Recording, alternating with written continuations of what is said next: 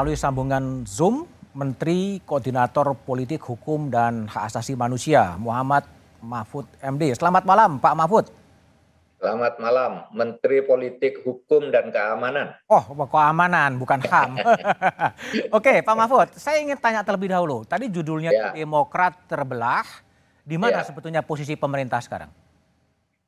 Kalau dari sudut hukum ya peran pemerintah di dalam hukum administrasi negara di bidang kepartaian, posisi pemerintah itu tidak melihat uh, terpecah. Karena apa? Karena sekarang secara resmi belum ada permintaan perubahan pengurus. De jure ya? Belum, de, de jure belum gitu. Kalau kan? de facto? Uh, de factonya ya kan uh, terpecah di tengah masyarakat, pemerintah juga tidak akan ikut uh, campur ke ke pembelahan itu. Oleh sebab itu silakan aja itu biasa. Hmm. Apa pun kan sekarang uh, banyak yang kontroversial gitu. Nah di situ kita tidak masuk dulu silahkan lah. Kita tunggu proses hukumnya kan di dalam undang-undang uh, sudah jelas kalau memang ada perubahan pengurus uh, prosedurnya begini begitu dan sebagainya. Ada undang-undang kepartaian ada keputusan Menkumham nomor 34 tahun 2017 dan sebagainya. Eh, kemudian ada ART Partai Demokrat. Kita berpedoman ke situ aja lah. Jadi sampai sekarang artinya sampai hari ini Ketua Umum hmm? Partai Demokrat masih Agus Harimurti Yudhoyono?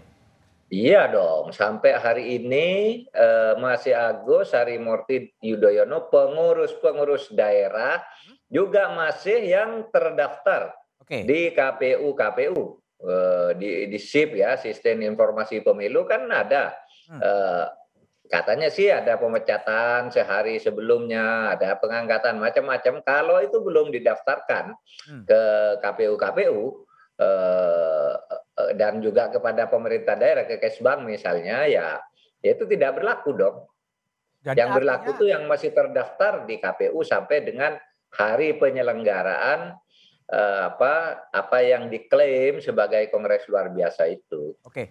Tapi gini, kalau memang manuvernya Pak Muldoko yang kemudian berada di Medan dan kemudian menerima tawaran sebagai partai eh, sebagai ketua umum Partai Demokrat versi KLB Deli Serdang, itu sepengetahuan dari Presiden Jokowi?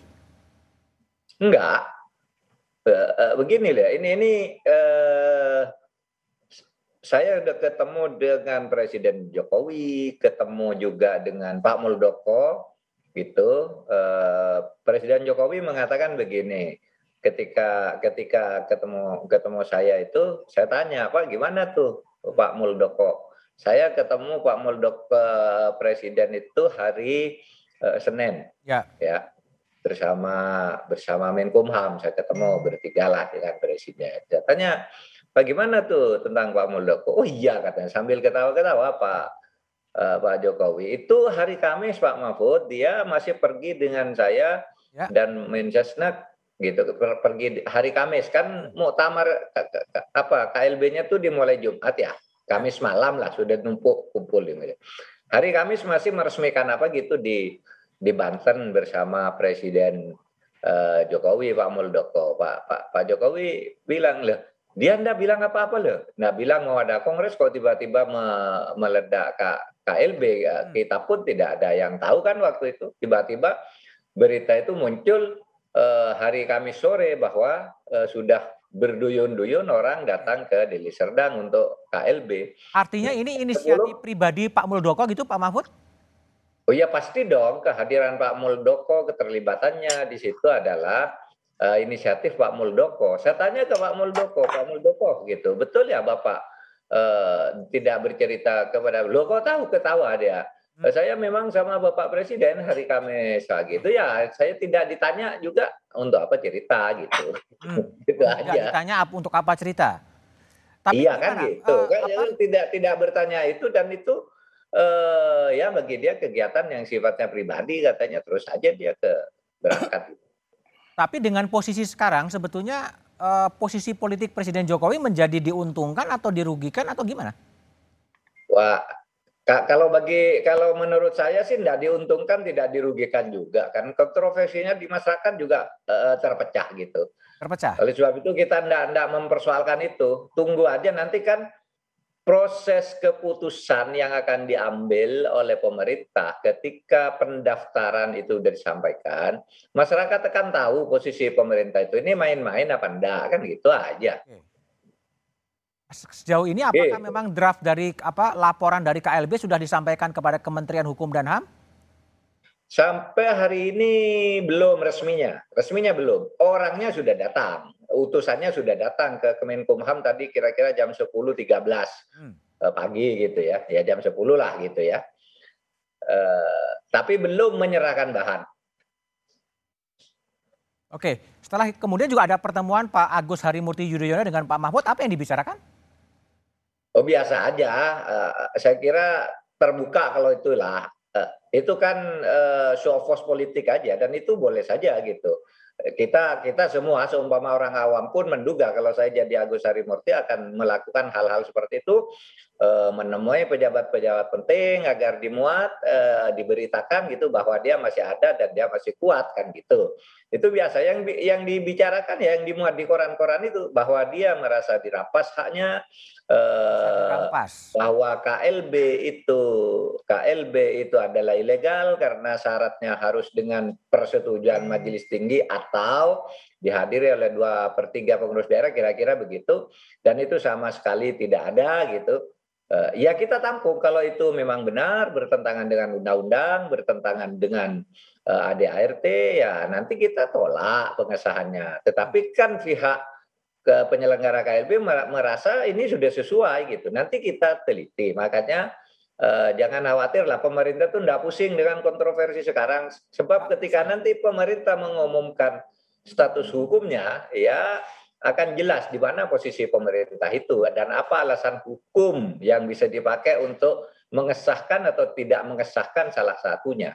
Oke, tapi kalau ada kekhawatiran terjadi konflik of interest bagi pemerintah karena Pak Muldoko adalah kepala staf uh, presiden dan kemudian meminta meminta pengesahan, bagaimana Pak Mahfud akan mencoba merespon uh, analisis itu? Tidak apa-apa, analisis begitu kan biasa kan ada yang analisis begitu sudah lama, tetapi ada yang yang bilang analisis hendaklah pemerintah ini akan sungguh-sungguh kan gitu. Tergantung buktinya nanti apa kan gitu. Hmm. Jadi soal analisis analisis itu macam-macam lah. Saya kira di meja anda pun nih di satu meja pun nanti analisisnya kan bisa beda-beda juga. Tidak apa-apa. Kita tunggu aja hasilnya. Jadi nanti keputusannya tergantung pada keabsahan dari KLB dari Menteri Hukum dan HAM. Iya dong.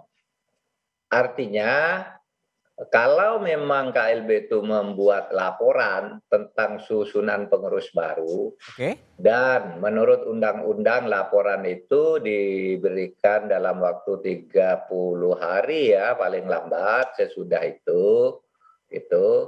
Uh, tapi di dalam Kemenko, Kemenkumham itu disebut tujuh hari misalnya uh, apa mulai ini gitu. Nah nanti kita lihat kalau sudah masuk baru kita ukur dengan undang-undang kepartaian, hmm. ukur dengan Kemenkumham nomor 34 eh, tahun 2017 dan diukur dengan ADART Partai Partai Demokrat. Itu aja ukurannya.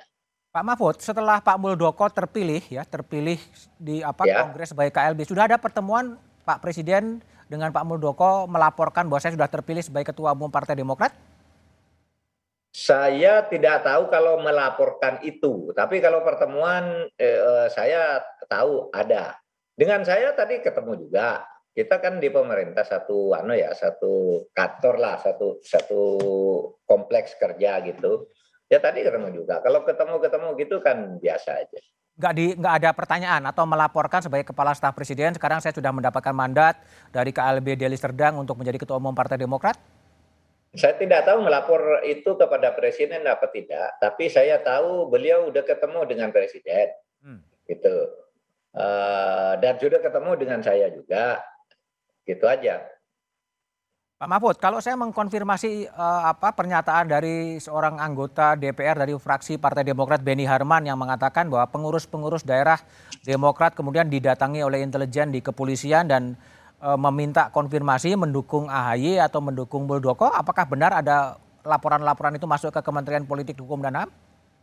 Belum ada ke, ya yang begitu tuh biasanya kan kalau kalau politisi itu kan hanya lapornya di medsos. Saya saya baca di medsos tuh ada gitu. Nggak ada tak. Anda tadi tahu kabar Harkam Ya. uh, sudah sudah mengumumkan kalau memang ada laporkan polisinya siapa bilang apa dan di mana kan begitu Hmm. akan ditindak kan gitu kan propam tadi. Propam yang ngomongkan itu. Oke. Jadi sama sekali omongan omongan Benny juga belum terverifikasi ya bahwa ada ucapan begitu ya. belum belum. Tapi enggak apa-apa politik. Nanti kan yang sebaliknya kan bisa me- mengatakan eh, lagi bahwa itu ini itu dan sebagainya. Kan biasalah.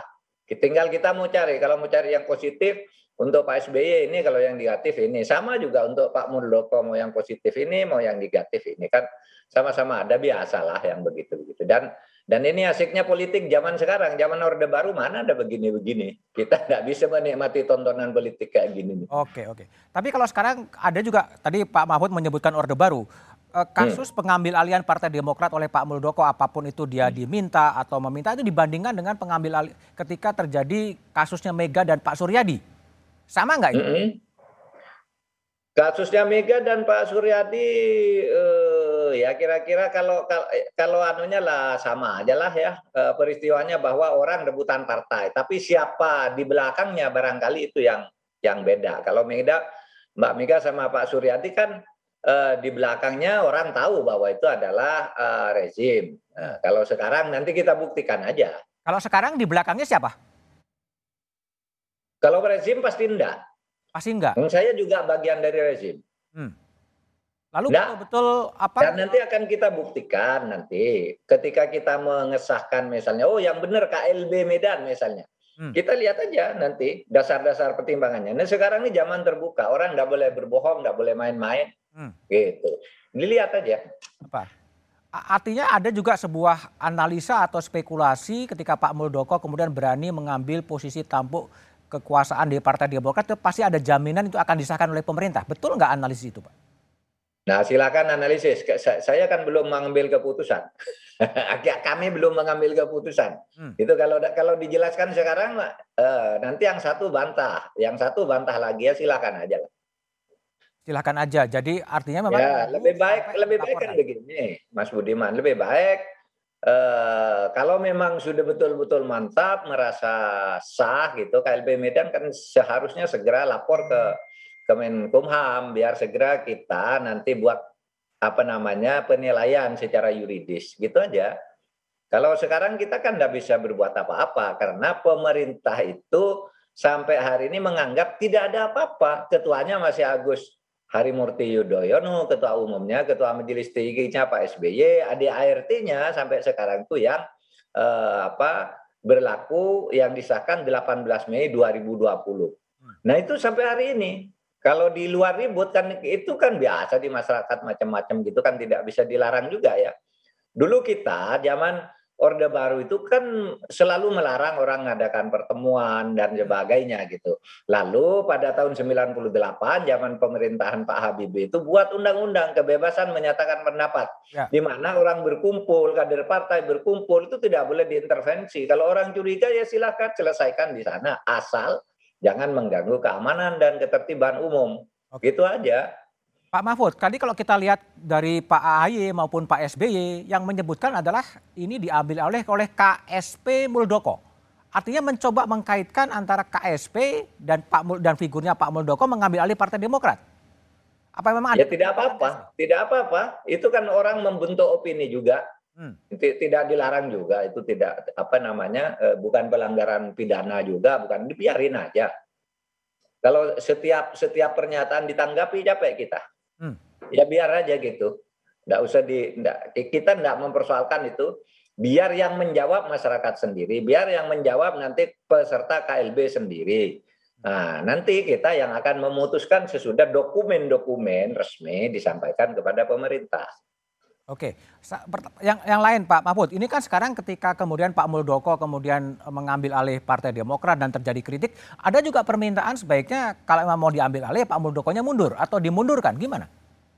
Oh, ada dua hal kalau itu. Satu itu terserah Pak Muldoko, itu ya, kan kan bukan hak saya juga karena tadi sudah katakan personal. Yang kedua, Eh, terserah presiden karena urusan jabatan itu adalah hak prerogatif presiden. Kita saya dan Pak Menkumham tidak akan masuk ke soal itu. Uh, saya akan ke soal bagaimana penerapan hukumnya itu aja. Hmm. Oke, baik Pak Mahfud. Terima kasih atas penjelasannya di satu meja The Forum. Terima kasih. Eh, yo.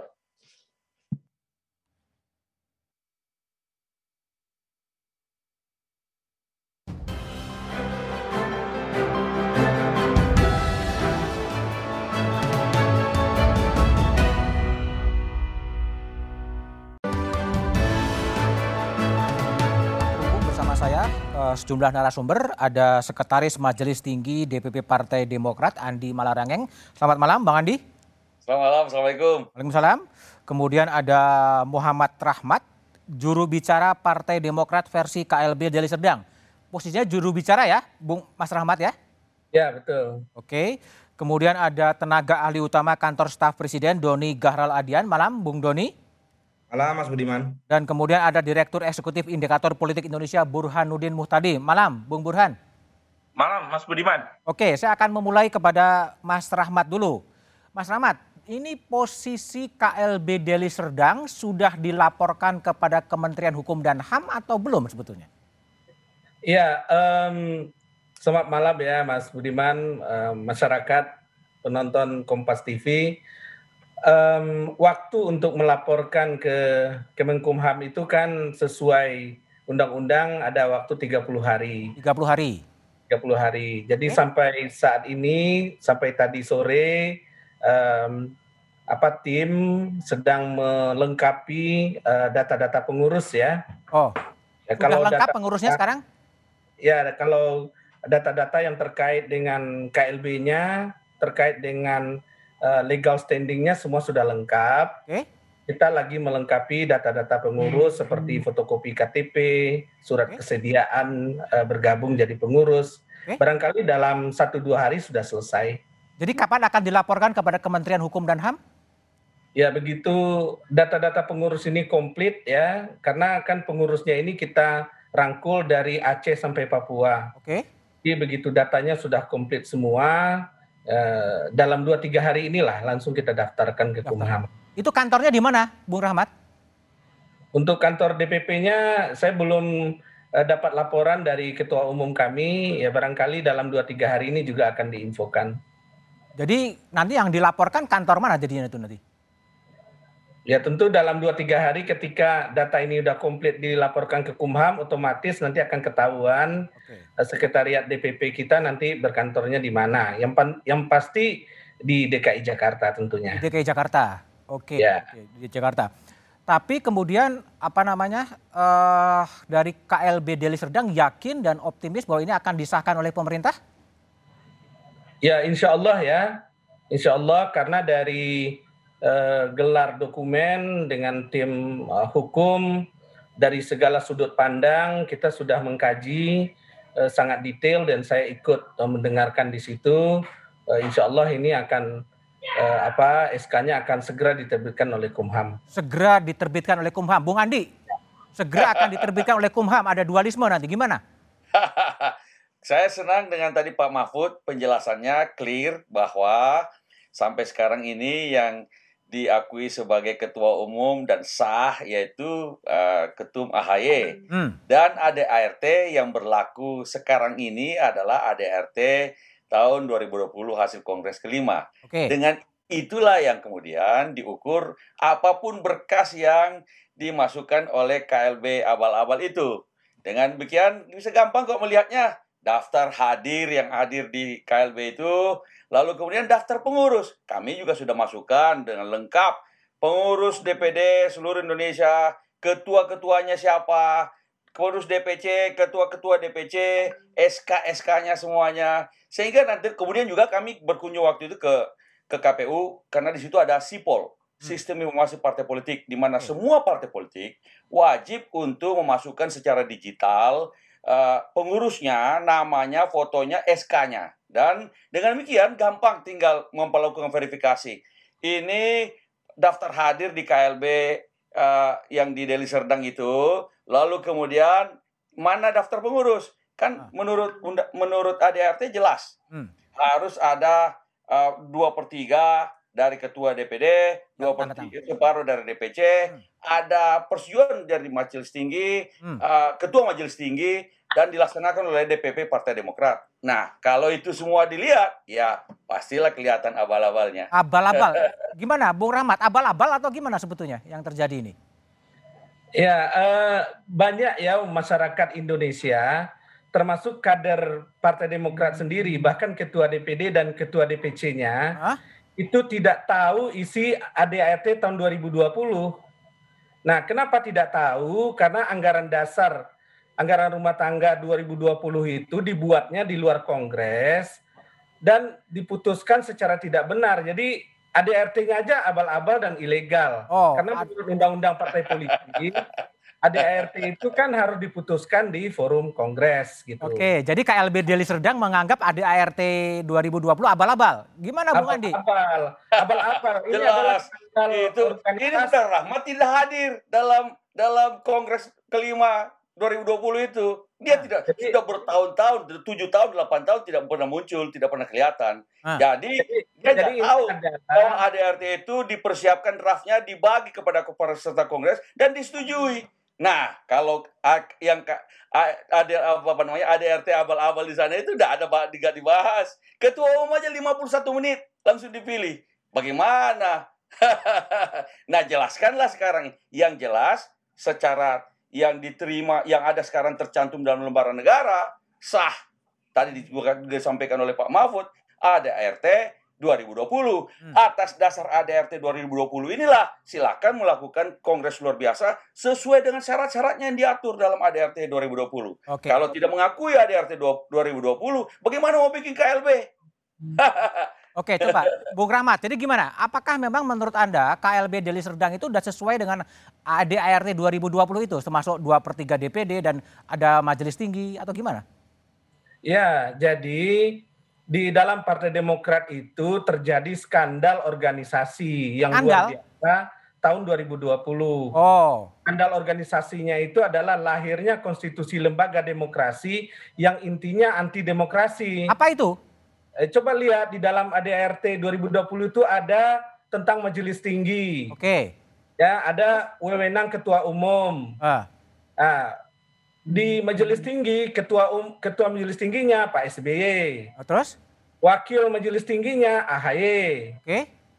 Kemudian ketua umumnya AHY, wakil ketua umumnya Ibas. Ah, Nah, apa yang kewenangan di situ yang kita lihat apabila ketua majelis tingginya berhalangan, maka dijabat oleh wakil majelis tinggi. Oke.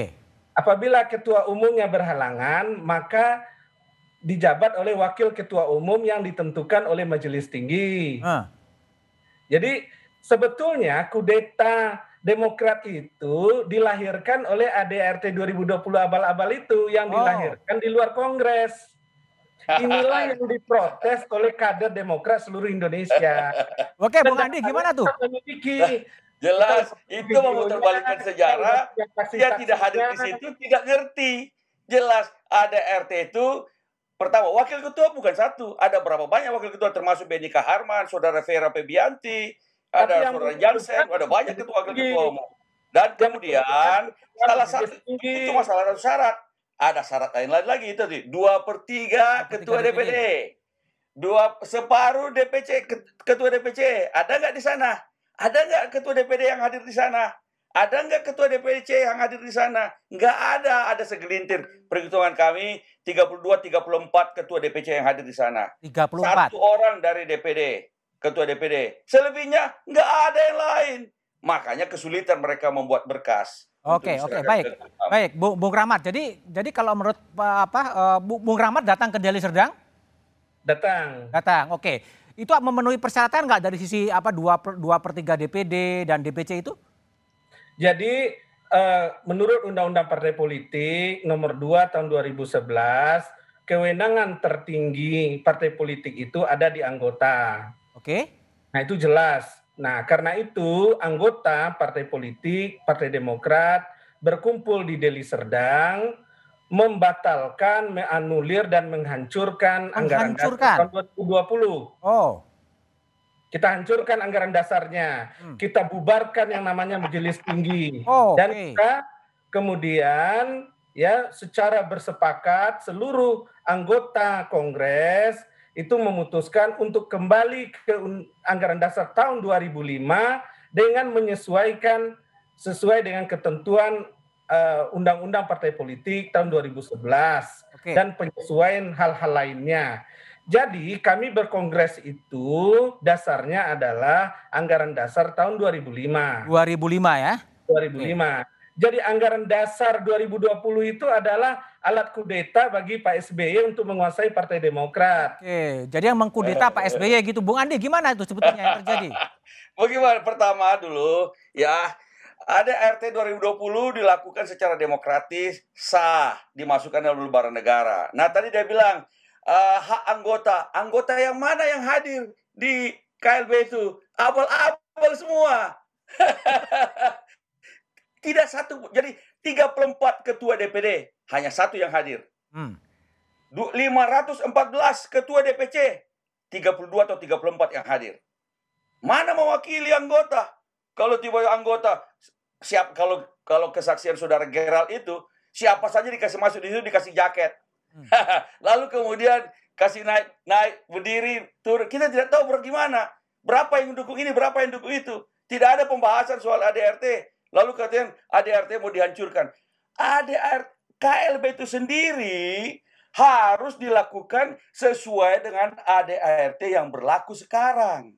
Boleh bikin KLB, tapi ada syarat-syaratnya. Dua per tiga ketua DPD, separuh DPC. Mana itu semua? Kalau tidak begitu, maka yang jelas datang ke situ, ya itu tadi, nggak jelas. Nggak jelas. Dikasih jaket aja di sana. Oke, bet- betul Bung Rahmat dikasih jaket aja sebenarnya nggak memenuhi quorum, nggak memenuhi syarat apa eh, anggaran dasar anggaran rumah tangga Partai Demokrat. Ya Bang Andi ini hadir saja tidak. Oh hadir Jadi enggak? Apa yang sampaikan itu kan Eh, tebak-tebakan pa- aja. pastilah. Ya kan? Nah, kami yang hadir, yang memiliki dokumen resmi, kita beradu dokumen saja nanti di Kumham. Oke. Ketika nanti KLB Sekarang sebut aja. diputuskan nanti oleh Kumham, kita beradu argumen nanti di pengadilan. Lalu kita beradu argumen lagi di Mahkamah Agung. Oh. Dan jangan menyalah-nyalahkan pemerintah nanti apa pun hasilnya gitu. Bung Andi, Nah, jadi beradu kalau kan boleh di saya tanya. Hukum dan HAM? Pak Budiman, Ya. boleh nggak saya tanya? Ya. Berapa anggota D- ketua DPD yang hadir di sana? 34 ketua DPD, tidak banyak. Boleh nggak disebutkan berapa? Bisa nggak Bung, Rahmat? Dari mana? Ketua DPD Ya. yang hadir? Di anggaran dasar tahun 2005 Nah, nggak bisa sebut dia. syarat untuk Kongres adalah hadirnya unsur DPD, hadirnya unsur DPC. Oke. Pertanyaan Ya kan? saya pertanyaan saya menambung pertanyaan Bung Andi tadi ah, ketua DPD yang hadir berapa orang? Ya, Bung Andi itu udah tahu salah satu yang dipecat itu adalah ketua DPD Satu. Itu dipecat tuh Oke. tanpa prosedur. Ada lagi satu partai. nggak? Ada nggak lagi satu? Tanpa, tanpa mekanisme ya, tanpa mekanisme. Ada satu lagi nggak? Itu dipecat tuh. Oke. Ini udah melanggar anggaran dasar sendiri Oke, yang katanya demokratis, tapi dilanggar. ada Tidak- satu lagi nggak? Tidak melalui Sebutkan mekanisme satu aja lagi. partai. Lalu pemecatannya juga tidak ada pembelaan, langsung dipecat. Oke. Gitu. Oke. Dan banyak juga ketua DPC DPC yang saat ini dipecatin juga. Catin juga. Mereka semua udah kita himpun, kita mintain SK pemecatan semua, Hmm, dan tim hukum sedang mengkaji untuk melaporkan ke pihak yang berwajib. wajib. Oke, baik, baik. Kata Bung. Bung Andi dan Bung Bung Bung- Rahmat. Saya akan Bung tanya kepada Bung Doni ya. Ada satu nama lagi deh, kasih satu nama lagi deh, biar jelas tuh. Ada satu nama lagi Bung Andi? Ya bagi kami mengungkap nama itu tidak. Nggak bisa jawab dia. Oke. Ya udah, oke baik. Bagi kami adalah SK Kumhamnya yang paling Oke. penting. Nggak bisa jawab dia. Baik. Oke, Bung Doni, Bung Doni pertanyaan saya adalah Ya. kenapa presiden ya terkesan kemudian membiarkan ini apa eh, Partai Demokrat itu seakan-akan terbelah menjadi dua dan sikap presiden, sikap istana juga tidak terlalu jelas. Tapi jawaban Bung Doni setelah jeda berikut ini.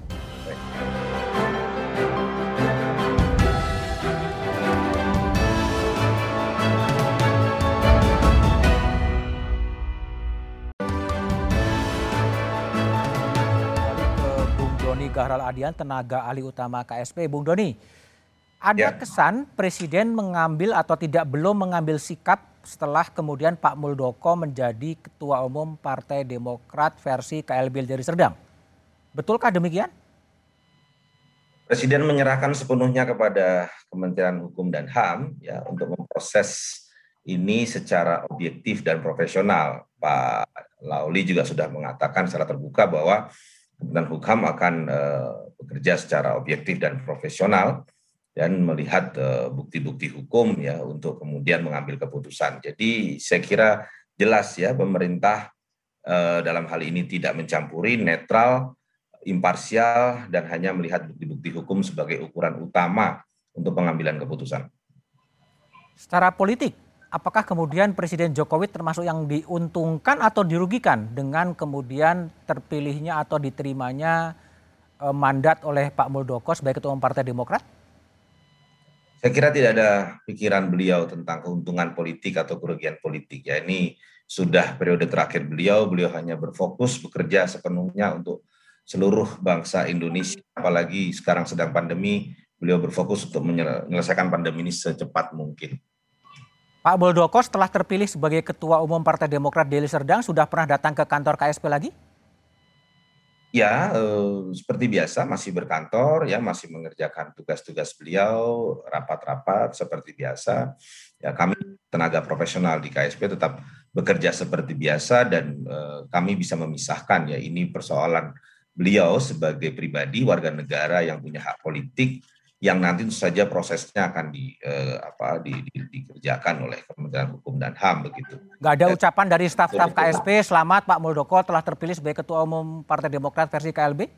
Hmm, saya belum pernah eh, belum sejak apa namanya KLB saya belum bertemu beliau Eh, dan saya tidak tahu apakah ada ucapan atau apa ya. Tapi kita masih bekerja seperti biasa karena tugas-tugas KSP cukup banyak ya monitoring, evaluasi, debottlenecking program-program presiden dan saya kira ini eh, yang menjadi prioritas kita. Bakal terpengaruh nggak sih KSP dengan Pak Muldoko sebagai Ketua Umum Partai Demokrat versi KLB? Eh, sejauh ini tidak ada pengaruhnya ya. Kami masih bekerja karena sudah ada tugas pokok tugas pokok dan fungsi yang diemban masing-masing kedeputian dan kami bekerja semaksimal Hmm. mungkin karena tentu saja yang kita kawal ada program-program prioritas eh, presiden begitu Oke, Dan- baik. Untuk Baik. realisasi. Saya ke Bung Burhanuddin Mutadi. Mas Burhan, menurut Anda, Presiden ikut terlibat dalam kasus Partai Demokrat sekarang? Eh, saya kira pertanyaannya terlalu spekulatif. Hmm. Jadi begini, eh, saya ingin melihat kasus yang terjadi di internal Partai Demokrat ini dari sudut yang lebih komprehensif. Jadi bagaimanapun ada persoalan yang merupakan kombinasi dari masa lalu, masa kini, dan masa depan. Oke, Jadi masa lalu kaitannya dengan eh, KLB Surabaya. Jadi ada faksionalisasi pasca Kongres di Bandung antara kubu Anas, kubu Oh. Bung Andi sendiri, termasuk juga kubu Marzuki Ali yang belum tuntas. belum Yang tuntas. kemu- belum tuntas. Yang kemudian berakibat pada problem yang dihadapi oleh Partai Demokrat sekarang. Hmm. Jadi kalau kita lihat sekarang bagaimanapun ada persoalan yang justified yang muncul akibat kekecewaan yang tidak diakomodasi secara lebih baik di internal Partai Demokrat. Kekecewaan Misalnya, terhadap AHY. Betul. Kalau misalnya eh, proses ini berlangsung secara baik, Mas Budiman, seharusnya kan Mahkamah Partai bekerja, Oke. tapi kan tidak bekerja sama sekali. Hmm. Kemudian yang terakhir tentu ada persoalan terkait dengan masalah prospek apakah Partai Demokrat bisa kompetitif kembali di 2024. Ini yang saya sebut sebagai kombinasi antara masa lalu, masa kini, dan masa depan. Nah, tetapi ketika persoalan itu dibawa ke KLB Deli Serdang, antara persoalan yang dijadikan sebagai dasar dengan kesimpulan untuk menunjuk Pak Muldoko sebagai ketua umum, itu tidak klop, tidak nyambung Tidak nyambung. Seharusnya gitu ya kalau betul persoalan itu yang eh, betul-betul mengemuka itu dibawa ke dalam ke internal Partai Demokrat. Kalau kita mengacu ke undang-undang partai harusnya Mahkamah Partai yang bekerja kalaupun toh misalnya gitu ya eh, eh, apa betul-betul didiskusikan secara baik bukan Pak Muldoko kenapa nggak Pak Marzuki Ali aja sekalian yang merupakan kader dari Partai Demokrat sendiri, terlepas dari posisi Pak Marzuki yang sudah dipecat. Jadi menurut saya memang ada problem etis, Internal. problem etik, problem internal Hmm. yang juga berkaitan dengan problem etis Is. eh, sejak terpilihnya Pak Muldoko sebagai Ketua Umum Deli Serdang. Saya sebut problem etis karena bagaimanapun Pak Muldoko ini pejabat tinggi negara Pejabat tinggi. yang posisinya tidak dipis- tidak bisa dipisahkan Hmm. antara sebagai individu dengan posisi sebagai kepala KSP. Oke. Jadi pada titik itu sulit buat orang untuk tidak mengabaikan kemungkinan ya munculnya eh, hal yang disebut dengan istilah intervensi kekuasaan. Karena kalau Intervensi. kita kaitkan, misalnya dalam beberapa kasus sebelumnya, Mas Budiman, kan ada beberapa kasus, misalnya eh, Kongres Partai Golkar Oke. yang dihelat oleh kubu Abu Rizal Bakri, kemudian muncul juga KLB Hmm. yang dihelat oleh Agung Laksono. Kemudian siapa yang menang di Menkumham? Agung Laksono. Oke. Kemudian yang kedua, antara muktamar yang dihelat oleh Surya Dharma Ali yang menunjuk Yan Farid sebagai ketua umum penggantinya dengan muktamar luar biasa di Surabaya, P3. Siapa yang disahkan oleh Kumham? Roma Hurmuzi. Hmm. Terakhir adalah Partai Berkarya. Oke. Ada Mukti dan Tommy. eh, kubu Tommy, ada kubu Mukti. Oke. Siapa yang menang? Mukti. Jadi kalau misalnya muncul kekhawatiran Hmm. bahwa siapa pun yang Menang. didukung kekuasaan atau dekat dengan kekuasaan menang di Kumham, menurut saya kekhawatiran itu tidak bisa Masuk disalah. akal. Masuk Oke. Baik, Bung Andi. Pertanyaan saya adalah apakah memang menurut Anda itu eh, istana atau pemerintah memang merestui manuver dari Pak Muldoko? Alasannya apa sebetulnya?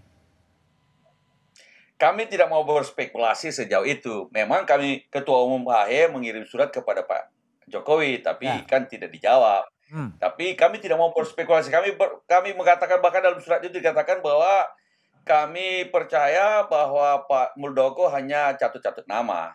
Satu Dan catut karena nama. itu ini persoalan Pak Muldoko Hmm. yang kemudian dengan eh, jabatannya KSP itu kemudian menggunakan eh, pendekatan kekuasaan dan uang untuk mengambil alih kepemimpinan Partai Demokrat. Nah, Pak Muldoko ini kalau bukan KSP, kira-kira dilirik nggak sama orang-orang itu untuk menjadi ketua umum? dan ini berbeda dengan konflik-konflik sebelumnya di Golkar, di P3 atau PKB, atau bahkan PDI, P- PDI lama dulu zaman tahun 96 ketika KLB Suryadi menggusur Ibu Megawati di backup oleh kekuasaan. Ini bukan itu ke semua itu kader dengan kader. Walaupun ada backupnya di belakang. Ini bukan kader sama sekali. Ah. Orang luar partai kebetulan punya kekuasaan dan kemudian di- dipilih atau dimin- di, di, di- terpilih sebagai ketum KLB abal-abal itu. Nah, ini beda, ini yang presiden. Ini yang presiden. Karena itu tidak bisa dibiarkan. Jadi menurut Anda apa yang sedang terjadi kalau memang KLB Deli Serdang kemudian menarik Pak Muldoko semata-mata karena kekuasaan itu ingin didekatkan Demokrat ke kekuasaan atau gimana? Ah, kita bisa membuat analisis. Kita semua bisa membuat analisis, tapi jawabannya yang pasti kita tidak tahu. Yang jelas, kalau Pak Muldoko memang sudah bilang kepada kader-kader kami yang ditemuinya di kamar hotel dan sebagainya itu bahwa dia sudah- memang sudah siap-siap untuk menjadi calon presiden di 2024. Pak Muldoko. Pak Muldoko. Oke. Demokrat dijadikan kendaraan politik untuk dia. Oke. Cuma pertanyaannya kan, ya bagi kami apa? Saya kan cuma bertanya-tanya aja. Sudah minta izin nggak dia sama ke presiden? Kan begitu. Memang harus minta izin. Loh, saya dulu pernah juga kerja di istana, lima tahun jadi jubir. Oke. Dulu waktu saya jadi jubir, mau mau pergi nengok mertua aja sakit di Jogja, saya minta izin langsung kepada presiden. Kan kalau nggak minta izin, nanti hilang jubirnya mana dua hari hilang. Ah. Kan begitu.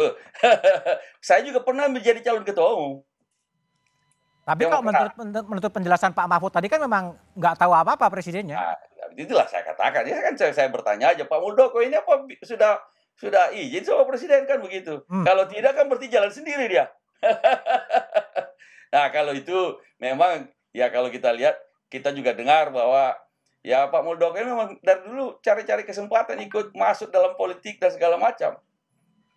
Ada tulisan saudara Hamid Awaludin mengatakan bahwa pernah dia bertemu dengan menemui Pak JK minta didukung jadi ketua umum Golkar. Oke, Jadi baik. orang ini sejak dahulu memang punya nafsu syahwat kekuasaan. Gak apa-apa Pertanyaan juga kan? saya justru ya, apa iya kalau tadi ya bagaimana? Ya nggak apa-apa juga kan punya nafsu kekuasaan? Ya enggak apa-apa, asal jangan bikin partai sendiri aja. Kan Oke, gitu. baik, baik. Oke, saya akan kembali ke Bung banyak sekali mantan jenderal bikin partai sendiri. ini kalau dalam sejarah partai politik Indonesia kan memang selalu ada terjadi perpecahan, perpecahan, perpecahan seperti itu. Apa sebenarnya fenomena kepartean di Indonesia kalau tidak terjadi perpecahan? Tapi analisis Burhan setelah jeda berikut ini.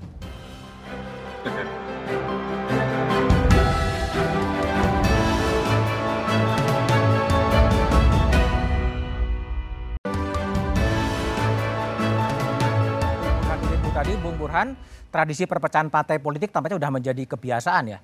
Dan dalam konteks Partai Demokrat, menurut Anda solusinya akan jadi seperti apa ini?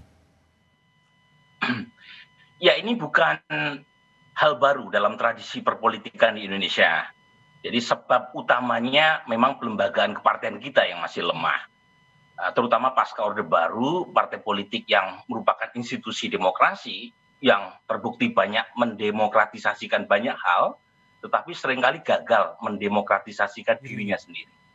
Nah ini yang kemudian menjadi akar eh, penyebab seringnya muncul eh, perpecahan di internal partai politik. Oke, Bertemu dengan kepentingan dari masing-masing elit partai yang sering kali tidur di ranjang yang sama tetapi punya mimpi yang berbeda. nah ini yang kemudian ketika ada godaan kekuasaan, mereka mencoba mencari-cari pintu ke arah sana. Gitu ya. Memang bedanya kalau dalam tradisi perpolitikan kita yang sering kali memunculkan dualisme, meskipun ada tarik-menarik kekuasaan, umumnya yang bertarung adalah kader mereka sendiri. kader mereka Nah, sendiri. Kasus untuk Partai Demokrat memang relatif baru. Ada Baru ya? presiden Oke. di mana eh, keterlibatan eh, polemik internal partai itu melibatkan orang luar. Oke, Dulu misalnya kasus Roma Hurmuzi dengan Surya Dharma Ali. sesama kader. Sejelek-jeleknya perpecahan di P3 itu melibatkan internal kader mereka sendiri. Oke, Kemudian antara Agung Laksono dengan Abu Rizal Bakri. Kemudian Sama antara Golkar ya? misalnya Matori Abdul Jalil dengan Gus Dur. hmm. Antara kubu Gus Dur dengan Caimin. Itu kader mereka sendiri. Hmm. Nah ini relatif baru dalam tradisi perpecahan kita. oke, Di mana eh, dualisme itu melibatkan pihak luar. Meskipun eh, hulunya itu adalah persoalan di dalam internal Partai Demokrat. oke, baik, Bung Burhan, Bung Rahmat, silakan. Tadi ini anomali sebetulnya kader dari luar masuk. Iya, em, mudah-mudahan saya jangan dipotong ya Mas Budiman Nah, durasi ya, kayaknya mempertimbangkan durasi ya, cepat. Ya, saya pertama ngomentari Bang Andi dulu, kemudian Bang Burhan. Eh, Bang Andi, saya senang karena isu spekulasinya udah digeser ya oleh Pak SBY dari menyalahkan pemerintah, sekarang fokus ke Pak eh, Muldoko. Ya, eh, pergeseran isu ini tentu dari Pak SBY. Kalau Bang Andi ini kan cuma pion aja nih, tergantung perintahnya Pak SBY. Nah, terkait dengan Bang Burhan, saya setuju dengan Bang Burhan bahwa ini adalah konflik internal Partai Demokrat ya, bukan eh, masalah eksternal, konflik internal. Kenapa konflik internal? Kesemena-menaan di dalam anggaran dasar 2020, kekuasaan ketua umum sama majelis tinggi itu luar biasa. Jadi belum lagi pungutan-pungutan dari daerah, mahar politik, Hmm. gaya hidupnya ketua umum AHY yang sangat mewah. Oke, Sementara laporan pertanggungjawaban partai keuangannya yang tidak ada. Jadi kader-kader daerah itu protes semua. Nah, itu yang terjadi di internal. Hmm. Ini adalah seperti sakit kanker stadium 5 dan bisul yang udah meletus gitu. Jadi ini persoalnya internal Partai Demokrat sebetulnya. Lalu kenapa nyari tokohnya Pak Muldoko? Kenapa enggak Marzuki Ali? Kan itu Bang Burhan Ya. menyampaikan itu Ya. tadi. Eh, saat ini di KLB Deli Serdang itu berhimpunnya semua kader Partai Demokrat kecuali pengikut Cikeas.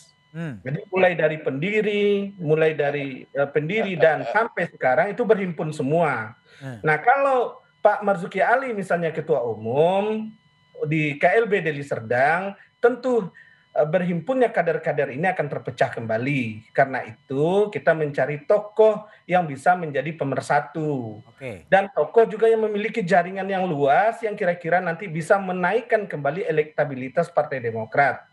Karena itulah kemudian Pak Muldoko kita kasih amanah untuk menjadi ketua umum dan Pak Marzuki Ali sebagai ketua dewan pembina. Majelis tinggi kita bubarkan. Bubarkan, oke. Bubarkan. Dan seluruh kader Demokrat di seluruh Indonesia apakah itu DPC, DPD yang dipecat, yang tidak dipecat, yang sekarang pro AHY ataupun yang di DPR RI, di DPRD, semuanya kita himpun.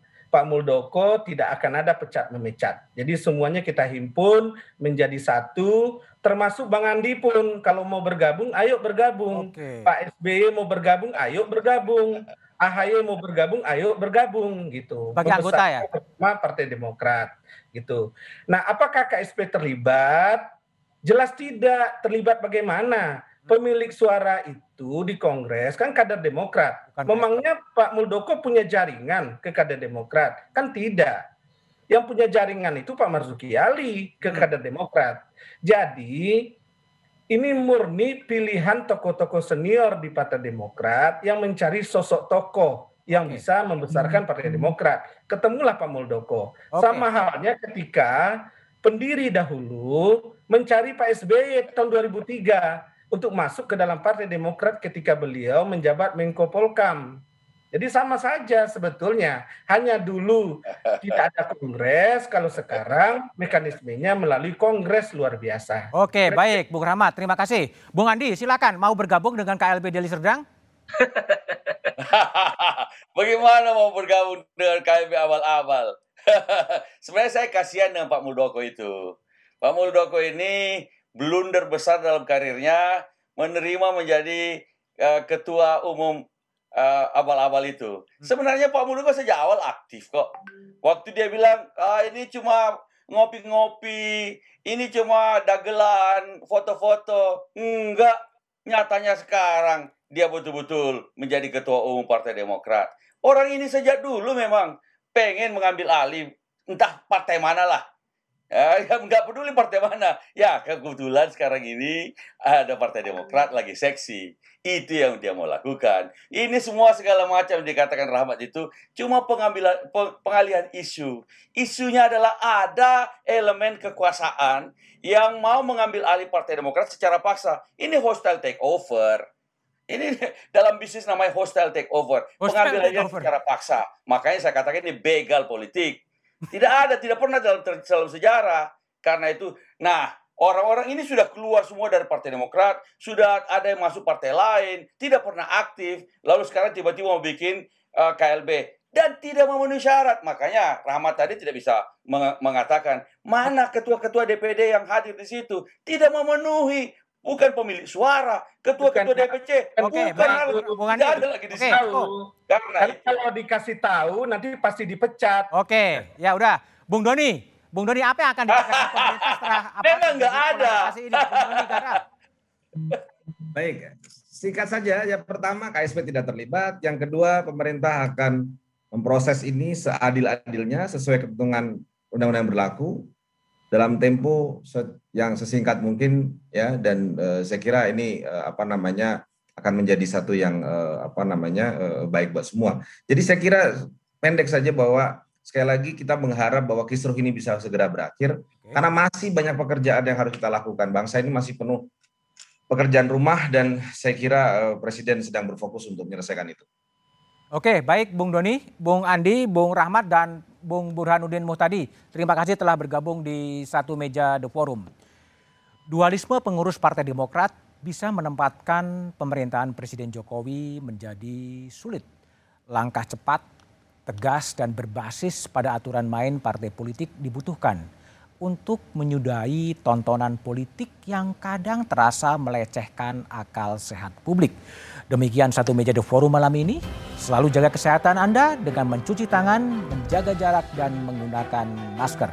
Sampai jumpa pekan depan. Selamat malam dan terima kasih.